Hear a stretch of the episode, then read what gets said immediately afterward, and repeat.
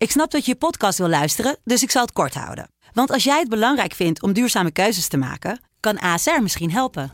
Nou hoor ik je denken, hoe dan? Nou, bijvoorbeeld bij het duurzaam herstellen van schade. Of de premies die we beleggen volgens ons duurzaam beleggingsbeleid. Dat bepaalt waar we wel en juist niet in investeren. Wil je meer weten over welke duurzame keuzes ASR maakt? Ga dan naar asr.nl slash duurzame keuzes. ASR doet het. Zo, dan kan je nu lekker naar je podcast luisteren. Studio Socrates wordt mede mogelijk gemaakt door Unibed. Há muito tempo você está no meu caminho. Como posso esquecer?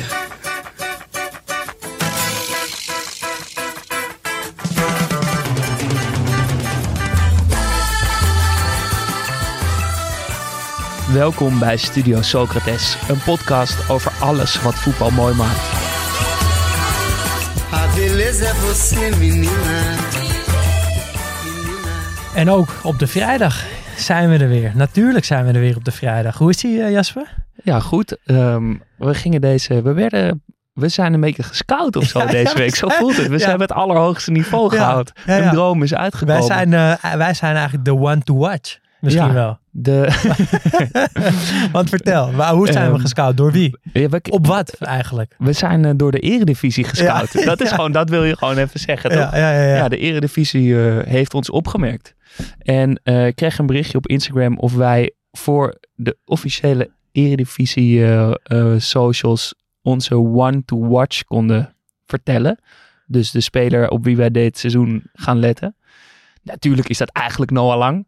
Ja. Eh, maar daar konden we natuurlijk niet bij aankomen. We zouden Studio Socrates niet zijn als we niet een wat bijzondere keuze hadden gemaakt. Ja, dus we kwamen uit op, op Zidane Iqbal. Ehm, de mooiste naam van de Eredivisie, dat sowieso. De mooiste voetbalnaam van de Eredivisie. Maar ook echt een, echt een hele goede speler. En inmiddels is de trainer van FC Utrecht, want hij speelt bij Utrecht, is de trainer van FC Utrecht is, eh, ontslagen.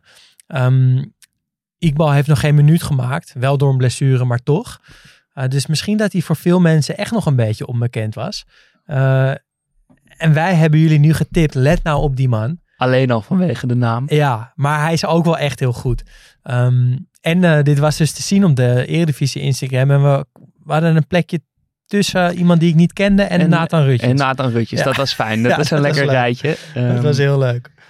Ehm, Zijn er nog andere spelers op wie we moeten letten dit seizoen dan? nou, ik had heel, echt heel, heel, heel, heel, heel graag willen zeggen Haris Menoujanin. Ja, Want die ja, is vorig jaar gewoon met Zwolle gepromoveerd naar de Eredivisie. Maar die zit nu met Dick Schreuder in, eh, in Castellón. Eerste wedstrijd gewonnen trouwens, van eh, Malaga, 2-1. Ehm, maar op wie moet je nog letten? Ja, ik vind eh, die Koki Ogawa van NSC, die, een spits, vind ik wel een goede indruk maken. Leo Sauer van Feyenoord, een 17-jarige Slovaak. Feyenoord koopt heel veel spelers en dat is heel begrijpelijk, want ze gaan de Champions League in. Maar hij, hij valt volgens mij elke wedstrijd in en hij is 17 jaar en kan echt heel lekker voetballen. Eh, ja, dit is een beetje flauw, maar Sarawi, die kent natuurlijk iedereen al, maar dat is echt een hele goede speler. Ehm, en eigenlijk heel Ajax. en dan niet omdat ik voor Ajax ben, maar omdat we ze allemaal niet kennen. we hebben echt geen idee. Nee. We gaan ze allemaal watchen. Ja, Mikau Katsen uit de tweede Franse divisie Ja, of zoiets. ja en, en een spits uit de, uit de Ligue 2 en eentje uit de Championship. Heel bijzonder allemaal. Ehm, nou, vrijdag staat in het teken van de Celassau. De Socrates Celassau. Maar ook in het eh, teken van ja. Telstar. Want Mike Snoei hoor je straks weer. De trainer van Telstar. Ehm, maar jij hebt jezelf ook gebombardeerd dit seizoen tot Telstar Watcher. Hoe is Ja. het met ze? Erg slecht. Ja, Drie wedstrijden, nul punten. onterecht wel. Ja, onterecht dat ze nul punten hebben, maar ze hebben wel terecht verloren van Jong AZ. Dat wel.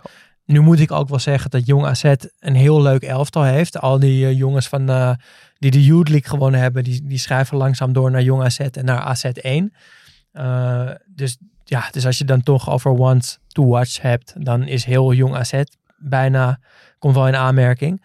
En die wonnen dan ook met 3-1 van Telstar. Weer een rode kaart ook voor Telstar.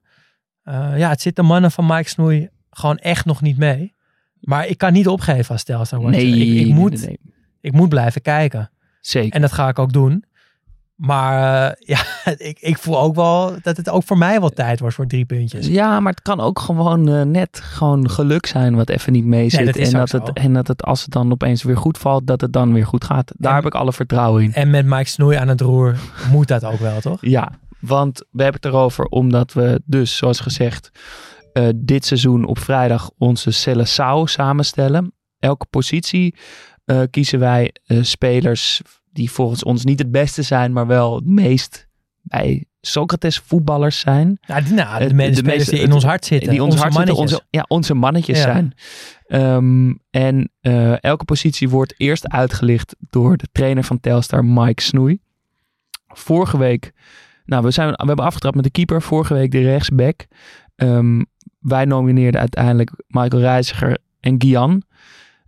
Jullie konden stemmen daarop. Het werd, nou, het ging nek aan nek, maar uiteindelijk toch Reiziger.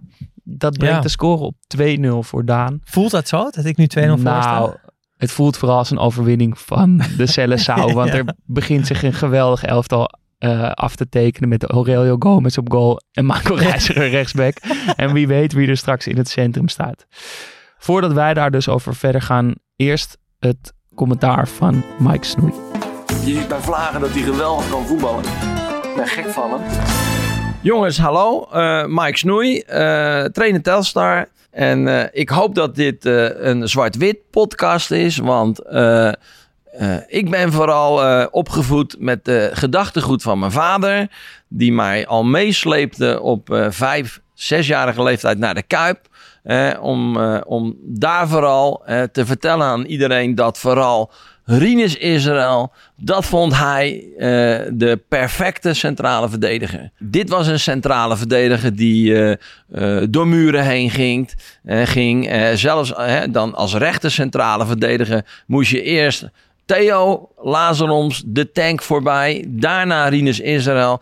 En eh, ja, dat waren enorme, enorme kopstukken eh, eh, van, de, van de succesvolle tijd van Feyenoord in de 70 jaren. En prachtig.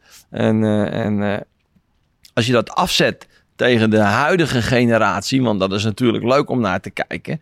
Ja, vind ik het soms wel eens eh, jammer dat bepaalde centrale verdedigers, die ik eh, echt enorm leuk vind om te volgen, eh, best wel snel worden afgeschreven. Want eerst een man uitschakelen en dan vervolgens eens gaan kijken van wat kunnen we voetballend nog toevoegen. En daar geloof ik ook nog steeds in, want je staat als verdediger opgesteld om te verdedigen. Anders hadden ze je wel anders genoemd. En, en, en heb je nog die extra kwaliteit om bijvoorbeeld eh, eh, opbouwend iets extra's te betekenen? Graag, graag. Hè? Maar ja, dat is eh, wat ik vooral zoek in een, in een centrale verdediger. Ik vond het weer hartstikke leuk en, eh, en eh, we gaan lekker verder. En jullie zijn van harte welkom. En eh, wie weet wordt die relatie nog wel eens wat beter. Ja, eerst even twee dingen uit, uit de voice memo van Mike. Ik, ik kreeg bijna tranen in mijn ogen toen hij begon met... Jongens, hallo, Mike Snoei, trainer Telstar. dat hij zichzelf wederom introduceert. Maar hij doet het elke week. Het wordt een Ja, beetje een dingetje. Ik vind het ontroerend lief dat hij dat doet. Ja. ja, wij zeggen dat natuurlijk al elke keer. We hebben het veel over Telstar. En dat hij dan nog zegt... Ah, jongens, Mike Snoei, trainer Telstar. Dat is fantastisch. En vervolgens eh, komt hij daar overheen met... Hopelijk hebben jullie een zwart-wit podcast. nou ja, toen, toen zat ik al rechtop. Ehm het verbaast me eigenlijk een beetje dat hij tot nu toe... Pasveer en Dumfries had genoemd. Ik had gedacht, daar komt vast nog wel iemand uit de oude doos. Eh, en dat was dus deze week. Ja. Rinus Israëls. Ja, we hebben hem nooit zien voetballen. Nee, Theo Lazaroms en Rinus Israël. Ik ken ze van de verhalen, maar ik heb ze nooit zien voetballen. Het, het moeten de, volgens mij de hardste verdedigers geweest zijn die er op de Nederlandse velden te vinden waren, toch? Ja, dat moet wel. Terwijl als je die Rinus Israëls ziet, dan is het toch een beetje een klein mannetje met Ja. een brilletje. Hij straalt niet uit wat Stam uitstraalt. Nee. Maar ja, oké. eh, we geloven Mike Snoei, want wij hebben hem niet gezien. Tuurlijk. Wat me trouwens ook nog wel opviel aan zijn uitleg was dat hij nu op best wel stellig was. Een verdediger staat er om te verdedigen. Ja. Anders had, je wel, had het wel anders geheten. Dat, dat was wat hij net zei. Ehm, terwijl hij toch van zijn keepers verwachtte dat, nou, dat ze met name creatief Ja, moesten zijn. Dus het is nog eh, moeilijk te volgen, maar dat zullen jullie ongetwijfeld soms ook met ons hebben. Uh, en uiteindelijk volgt daar wel vaak iets geniaals uit. Dus daar gaan we ook maar vanuit bij Mike Snoei. Ik ben heel benieuwd wat voor elftal zich gaat ontvouwen. Um, maar Snoei houdt dus van keiharde centrale verdedigers. Waar, waar hou jij van? Ja, ik, um, ik hou van keihard, maar wel berekenend. Ik hou niet van dat van schoppen om het schoppen. Ik wil wel een soort onverbiddelijkheid en een soort een, uh, jezelf willen opofferen. Maar, maar dat dat altijd wel met een reden is. Dat er een soort risico wordt ingeschat op, op zo, in een fractie van een seconde. En dat een verdediger weet, oké, nu kan ik het gewoon simpel houden. Kan ik gewoon de ruimte afdekken, een beetje naar de buitenkant uh, uh, sturen. En soms moet je, er, moet je er gewoon dwars doorheen. En dan pak je maar een kaart. Maar die, dat die afweging daar altijd in lijkt te zitten. Ja, dus er zit wel bedachtzaamheid in. Precies. Het moet, je moet wel een, sloper kunnen zijn, maar het simpel oplossen als het simpel kan. Laat ik het zo zeggen.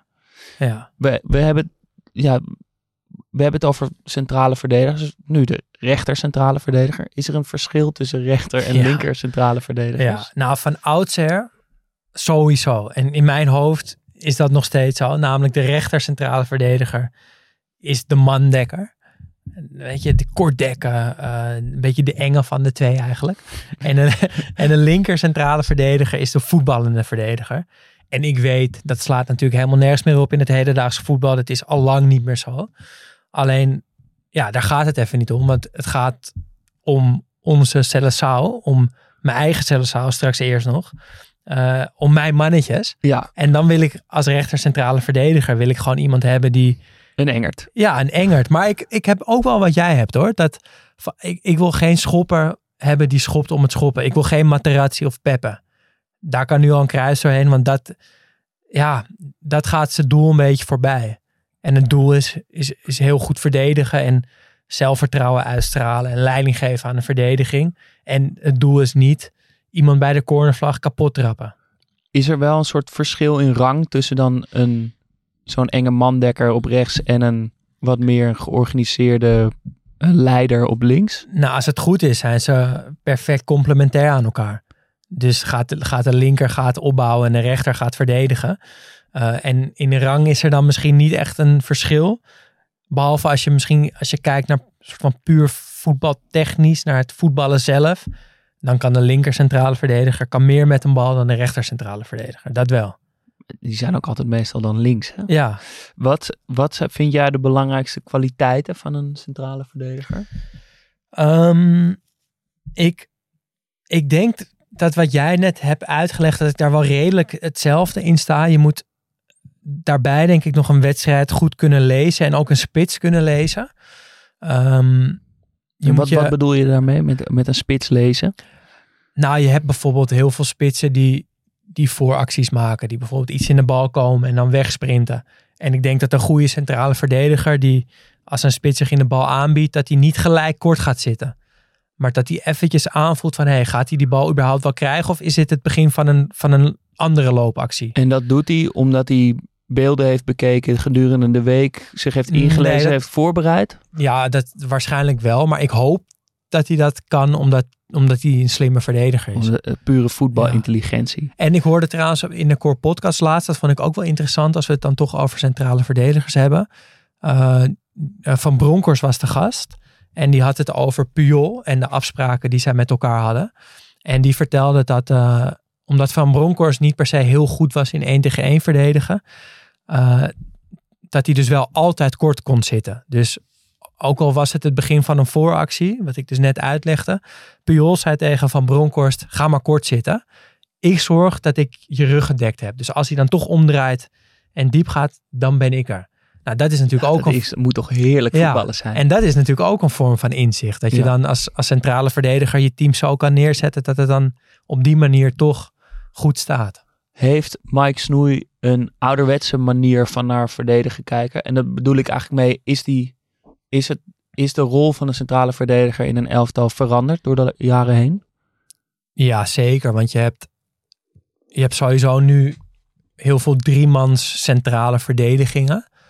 Uh, wat, wat het verdedigen een stuk makkelijker maakt. Want Stefan de Vrij werd bijvoorbeeld ineens een hele goede verdediger toen hij bij Inter in zo'n driemans defensie ging staan. dan heb je dus een driemans verdediging en dan op de flanken Ja. fullbacks die over eigenlijk over ja, niet per se nog rechts of links Nee, verdedigers zijn, maar gewoon een soort Ja. over de hele flank. Precies. Eh, du- dus dat is wel heel erg veranderd. En je hebt nu natuurlijk ook weer Guardiola die met John Stones een soort van centrale verdediger heeft die ook in het middenveld komt, maar dan weer op een hele andere manier dan hoe Louis van Gaal dat met Danny Blind en zo deed. Dus eigenlijk die hele saaie, vastomlijnde positie is toch ook weer aan het veranderen. En dat is wel mooi om te zien. Zijn er, ehm, waar moet je meteen aan denken bij, bij verdediger, bij centrale verdedigers, van momenten of zo? Of, of, of zonder te veel weg te geven over je keuze? Ja, ehm, nou ja, wat heel typisch is, vind ik dat de luchtmacht mee naar voren gaat. dus er is een corner of een vrije trap en die twee bonken van centrale verdedigers, die, ja, die joggen zo rustig naar de 16 en die gaan hun plekje vinden om misschien die bal in te kunnen koppen. Ehm, de indribbelende centrale verdediger, dat is ook wel een, eh, een soort op zich. Eh, die Jan Vertongens van deze Die wereld. grote passen. Ja. eh, de van afstand schietende centrale verdediger. Compagnie. Don't shoot, don't shoot. Hij deed het toch. En City werd kampioen. Ehm, het zijn ook wel vaak aanvoerders, voor mijn gevoel. Ja. En dat komt natuurlijk door nou, wat we net besproken hebben. Dat ze een wedstrijd moeten lezen. En dat ze vaak wel leiderschapskwaliteiten hebben. Eh, de sliding. Dat is volgens mij iets waar jij ook wel altijd heel erg van kan Ik genieten. kan wel van, eh, een goede sliding. Ja. Ja. Sliden om het sliden niet, maar met een, een sliding met een idee erachter. Of Ja. dat als kwaliteit hebben, dat, daar hou ik wel van ook. Zo'n Wan-Bissaka of een Tete, ja, die gewoon heel goed kan sliden. dat zijn mooie wel kwaliteit. misschien dan weer vaak backs die, Ja. die heel goed kunnen sliden. Die komen ook vaker denk ik in een positie Ja. dat ze een sliding moeten inzetten. Ik moet trouwens in één keer ook nog denken aan een legendarische uitspraak van Atemos. Die zei eh, een keer ergens bloedserieus. Ja, maar dat weet iedereen. Centrale verdedigers die haal je uit Argentinië en backs uit Brazilië. ja, ik begrijp toch precies wat hij ja, er bedoelt. zit eigenlijk wel wat in, hè? Ja, ik hou, ook, ik hou wel van, dat, van dat op, die opofferingsgezindheid van, van centrale verdedigers. Dat ze toch altijd ergens weer met een gescheurd shirt en een, en een tulband om zo staan te wijzen. Weet je wel, langs de kant van het veld een, een, een wenkbrauw laten nieten en Ja. vijf minuten later weer de hele organisatie neerzetten. Ik hou ook op een gekke manier van verdedigers. ehm, zoals bij, bij, vooral bij het Nederlands vrouwenelftal, zoals die van de gracht, die Ja. gewoon zo'n bal maar over de zijlijn schiet. Ja. Maar de- ik denk... Daar, ik ja. vind dat een soort lekkere soort nuchterheid of een soort eh, opportunisme misschien wel van oké, nou, of pragma pragmatisme is eerder gewoon. Ik, ik weet het even niet. Maar het is ook... eh, Het, is, het die uit. ook wel eh, ge- gepikt op een of andere manier van die positie. Want je bent er om doelpunten te voorkomen. Ja. En nou, dan, maar dan gaat geen risico. Die bal het stadion uit. Ik hou ook van de relatie van keepers met centrale Ja. verdedigers. Dat, dat dat vaak mooie duo's zijn met goede afspraken en veel high fives en eh, eventueel een kus op het voorhoofd. Ja, Blank en eh Bartes. Ehm, Eh. zijn er, zijn er eh, centrale verdedigers waarvan je denkt, nou, zo goed was die niet? Eh, Overschatte ja, centrale ik, ik, ik heb wel een hot take, maar die, die, daarmee kom ik helemaal op het eind. Oké. Ja, Heb ik- jij dat? Ja, ik heb dat zeker. Eh Gerard Piqué. Ah ja, dat heb ik ook wel. Ja, dat zou je wel kunnen zeggen. Die bij Nooit helemaal gratie begrepen. van het, van het geweldige Barça dat hij een geweldige voetballer is geworden, terwijl hij dat helemaal niet is. En in iets mindere mate heb ik het ook wel bij Sergio Ramos. Vond ik eigenlijk ook nooit zo goed. En je hebt heel veel centrale verdedigers die, eh, die het redden, in ieder geval voor een lange tijd op hun uitstraling. Ja. En ik vind Is ook daar, belangrijk. Zeker. En in het recent, of ja, wat een beetje nu aan de gang is, is dat Ramaljo daar heel erg last van heeft. Volgens mij speelt hij alleen nog, natuurlijk zijn wat blessures bij PSV, maar omdat hij een hele mooie uitstraling heeft, eh, terwijl hij eigenlijk niet zo heel goed kan verdedigen. Eh, we vroegen het ook aan jullie eh, afgelopen week met, op eh, Instagram wat jullie favoriete centrale verdedigers zijn. De mooiste is uitgekozen door Mart. Mart Ja. Kikken. En die krijgt een Studio Socrates mok. Ehm, en dit keer is de keuze gevallen op Lemar Stevel. Volgens mij al een luisteraar vanaf het begin. En die stuurde in Sotirios Kyrgiakos. Puur en alleen omdat de paardenstaart. Geen manbun, een onderbelicht stijlicoon is. Het liefst helemaal afgelakt met gel à la David Seaman of Stijn Vreven. Maar de wilde paardenstaart van Kyrgiakos doet, het, doet daar niet veel voor onder. Het geeft de drager een extreem intimiderende uitstraling. Iets waardoor je als verdediger al met 1-0 voor staat. Ook al kan je er geen reet van, zoals Kyrgiakos. Heb je zijn kop uh, gezien? Ja, ik ben natuurlijk meteen wel even gaan, uh, gaan kijken. En het is wel puur uitstraling inderdaad. Ja, maar, maar dat kunnen we best wel genieten. Het, uh, dit is wel een, een kop van een centrale verdediger. Of laat ik het zo zeggen, van een rechter centrale verdediger die Ja. in mijn elftal zou kunnen spelen. Ja, ja als je het hebt over de, de enge mandekker Ja. die een rechter centrale moet zijn, dan, dan, eh, dan ziet hij er zo uit. Was hij een linker centrale verdediger geweest, dan was hij meteen afgevallen. Meteen. Dat brengt ons op wie eh, onze keuze dan wel is geworden. We Ja, we ik wil één hebben twee nominaties. Ja, één ding voorstellen Ja. dat we het om de beurt doen. Oh, dat is goed. Ja. We, hebben, we, we stellen allebei twee nominaties voor. Kiezen allebei onze eigen. En aan jullie dan de keuze om op Instagram via een poll. eh, vanaf vandaag, die staat dan vandaag, die poll online. Te kiezen wie een plek in het elftal verdient. En hou daarbij rekening dat Daan al twee keer zijn speler in het elftal gekozen zag worden. Oké, ehm, ik zal beginnen. En ik begin met Alex. Alex Rodrigo Diaz da Costa. Eh, en dan de kenner weet dat ik het heb over eh, ja, de, ja, de enige echte Alex, die van PSV. Ehm, en het is, ik vind het een beetje raar dat ik iemand kies die zo erg verbonden is aan Gomez. Wat natuurlijk al de keeper van het elftal is geworden. En ook aan PSV. Ehm, maar blijkbaar heeft dat elftal toch wel een hele grote invloed op mij gehad. En dan vooral die twee, Gomez en Alex. Ehm, er is ook wel een korte periode in mijn leven geweest dat ik meer sympathie voor PSV voelde dan voor Ajax. Dus misschien is dat wel aange, aangewakkerd door deze twee Brazilianen. En dat is wel een compliment. Dat als je Ja, dat iemand zo vet is dat je er, ook al speelt bij de concurrent, dat je ja. sympathie voor de club krijgt. En het is gewoon een lekkere ouderwetse centrale verdediger. Groot, sterk, een harde pegel, robuust, imponerend. Een geweldige bijnaam ook voor een verdediger, de tank. Ja. Nou, veel beter wordt het niet. Een beetje lomp Net ook. als Theo Lazaroms dus. Ja. Ja, misschien wel de, de Braziliaanse Ja, die tank, ja, van Lazaroms. Eh hij is een beetje lomp, dat vind ik ook lekker. Onoverzettelijk. Eh, heel nors, maar tegelijkertijd eigenlijk ook wel heel schattig als je goed naar zijn hoofd kijkt. Ja. Eh, als hij gaat lachen, wordt het in één keer heel schattig. Ook zachtaardig, toch? Ja, een man van weinig woorden. Vind ik ook lekker voor mijn centrale Ja. verdediger. Ehm, Frank Heijnen had laatst bij Studio Voetbal een heel mooi eindsignaal over, over hem.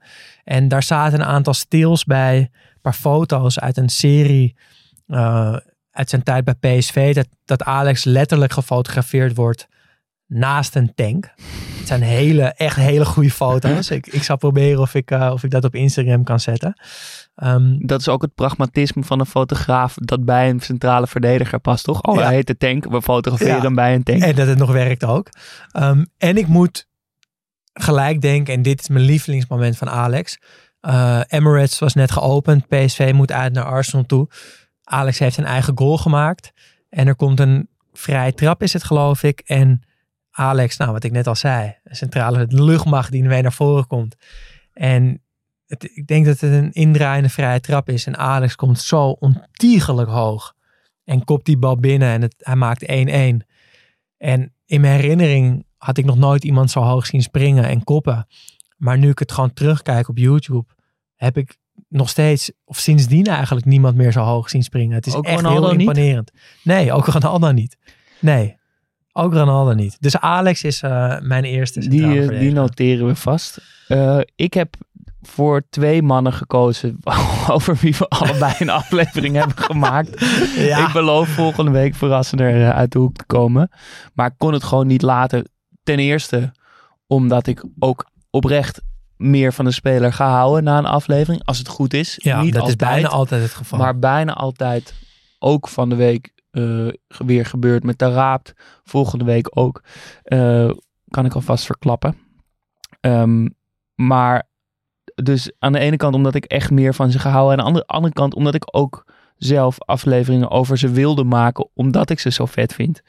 Ehm, en de oplettende luisteraar zal dan ook niet meer verbazen dat mijn eerste keuze Cannavaro is. Ja, klein, Italiaans, dat is natuurlijk ook wel gewoon een groot voordeel voor een centrale verdediger. Ja. Dat, je Italiaans bent. Zeer zeker. Ehm, knap, fit. Eh, dat ene wonderseizoen waarin hij door alle bovengrenzen heen explodeerde. Berekenend ook wel. Heel berekenend. Ehm, ja, luister onze hele aflevering Ja. daarover. Maar vooral om dan één moment even uit te lichten. Natuurlijk de soort divine intervention die gebeurde in de Ja. Verlenging van de WK-finale. waarin hij tegen Duitsland opeens Half Terwijl ze, oh, half finale is het, sorry. Ja, ze, ze moeten verdedigen. Eh, Duitsland dringt aan. Ze staan met z'n allen in de 16. Er is een, een afgeslagen bal. Je verwacht dat ze allemaal in de dekking blijven staan. Hij kopt hem zelf weg, hè? Hij tegen komt hem zelf weg, ja, die drie koppen Ja. groter is. En dan wordt hij door een onzichtbare kracht in zijn rug naar voren geduwd. En een, lijkt hij vol voor een ja, kansloze bal te gaan bij Schweinsteiger. Die alle tijd heeft. Maar opeens is daar toch door een heel raar moment een onderschepping van Cannavaro. Waar de 2-0 van Del Piero uit eh, komt. Eh, ja, een, een wonder. Ja. Dat is mijn En hij- ik vind ook dat hij heel goed bij jou past. Dus ik ben Ja, blij het dat je hem gekozen hebt. Ik, ik, ik had al een groot zwak voor hem. En na de, na de, na de eh, aflevering is het echt mijn mannetje. Ja. Is hij zo gaan voelen. Ook Mooi. al heeft hij op clubniveau... weet ik niet zo goed waar Maar ik dat nou niet zie. uit. Dat maakt Gewoon dat niet uit. ene Ja. WK na het Calciopoli-schandaal. Dat Italië wordt geen kans gegeven. En hij staat op. Hij is de leider. Hij is super fit. En hij neemt dat hele elftal op sleeptouw. En wint daardoor als enige verdediger ooit ongeveer de gouden bal. En ook weer een hele goede bijnaam, hè? De Berlijnse muur. Mooi. Oké, nou dan komen we bij mijn tweede kandidaat. En ja, misschien is dit wel gewoon niet mijn mannetje. Nee, het verbaasde mij. Nee, het is niet genoeg mijn mannetje, maar ik zat te denken, want ah, kijk, Alex is gewoon echt mijn mannetje, maar ik vond het heel lastig om een tweede te kiezen. En ik zat te denken, oké, wie, dat is dan toch de eerste vraag die ik mezelf stel. Wie, als ik dan vroeger verdediger was, op trainen of in het bos of op straat, wie was ik dan? Nou, dan, dan wilde ik soms wel eens Jaap Stam zijn, omdat die dus wel alles belichaamt wat ik in een centrale verdediger dan zoek. Eh, misschien wel de Nederlandse versie van Alex op een bepaalde manier, de Dutch Destroyer.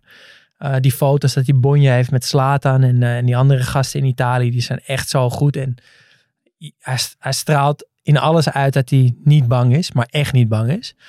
Eh, gouden jaren van eh, Italië, jaren negentig, daar voetbalde hij in de Serie A natuurlijk. Manchester United, eh Nederlandse elftal 98, 2000, 2002. Vooral die 2002 hoekige shirts, daar zie ik hem heel, heel sterk in.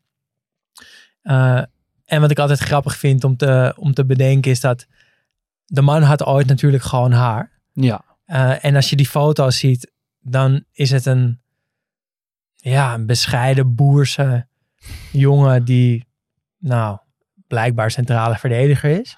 en zodra die laatste plukjes wegvallen, wordt het opeens de centrale verdediger die we kennen. En lijkt hij een soort van switch te maken van, oké, ik ben nu gewoon een kale centrale verdediger en niemand komt hier ooit meer langs. En eh, ja, dat is toch wel net genoeg voor een eh, tweede nominatie voor mij. Eh, mijn tweede nominatie is de andere verdediger over wie wij het dus hebben gehad. Ehm, ik had hem ook voor de zespositie kunnen kiezen, maar ja, die was, is al bezet. Die stond al met grote letters in mijn elftal geblokt. Dus kan niet anders dan hier op rechts. Dat is natuurlijk Frank Rijkaard. Eh, hij speelde in de EK-finale van 88 rechtscentraal, dus het kan ook prima. Zeker, 100% dat het Ehm, kan.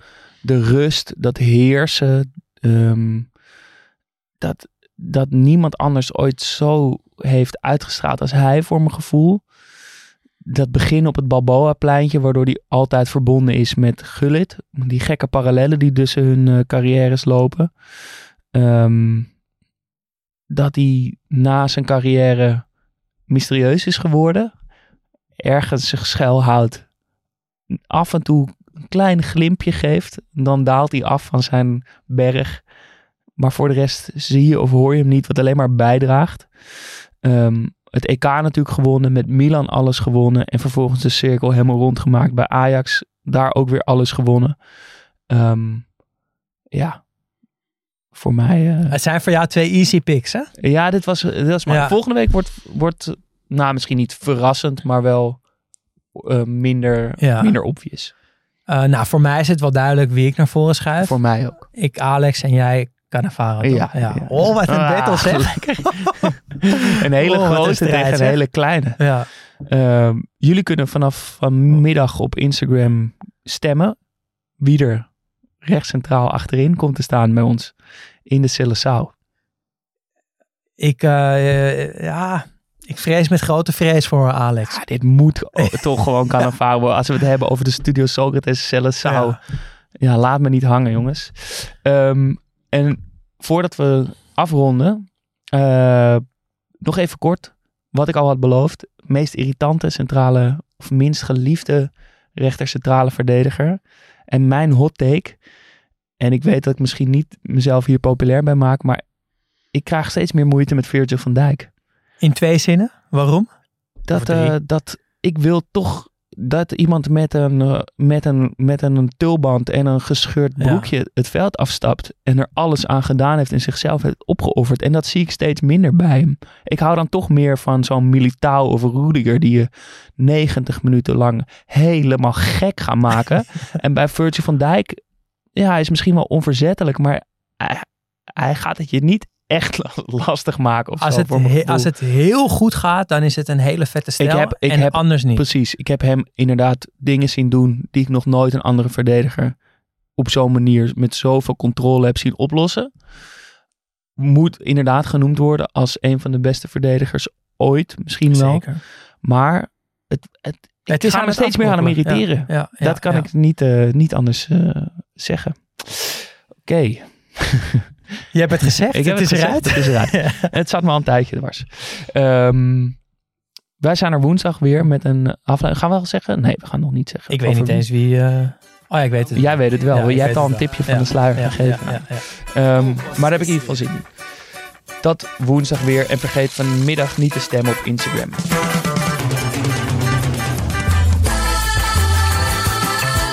Studio Socrates wordt mede mogelijk gemaakt door FC Afkikken. We zijn te vinden op Twitter en Instagram, studio-socrates. En op vriendvandeshow.nl slash studio-socrates kun je ons steunen voor 2,50 euro per maand en maak je elke week kans op een product uit onze eigen fanshopie. Ja, twijfel dus niet en word vriend van de show. Daar help je ons heel erg mee. Vinden we heel fijn als je dat doet. Daar zijn we je heel dankbaar voor. Ehm, en als je lekker in een mailconversatie met ons wil belanden, kan het ook. Mail naar studiosocratespodcast.gmail.com en we mailen, nou, binnen een maand wel terug, denk ik. Nou, ik, Binnen ik een week. reageer heel Ja? keurig. Oké. Ja. Nou, we reageren snel. Jasper reageert snel. Oké, Oh jee. tot de volgende. Todos querem te amar. Ei, vento, vento, vento no mar. Te segura no balanço, pro vento não te levar. Vento, vento no mar. Te segura no balanço, pro vento não te levar. Já sei que não vai ter jeito pra poder te conquistar. Se você olhar pra mim, menina, vou te amar. Já sei que não vai ter jeito pra poder te conquistar. Se você olhar pra mim, menina, vou te ganhar. Ei, vento, vento, vento no mar. Te segura no balanço pro vento não te levar. Ei, vento, vento, vento no mar. Te segura no balanço pro vento não te levar. Posso te esquecer? Não tem jeito.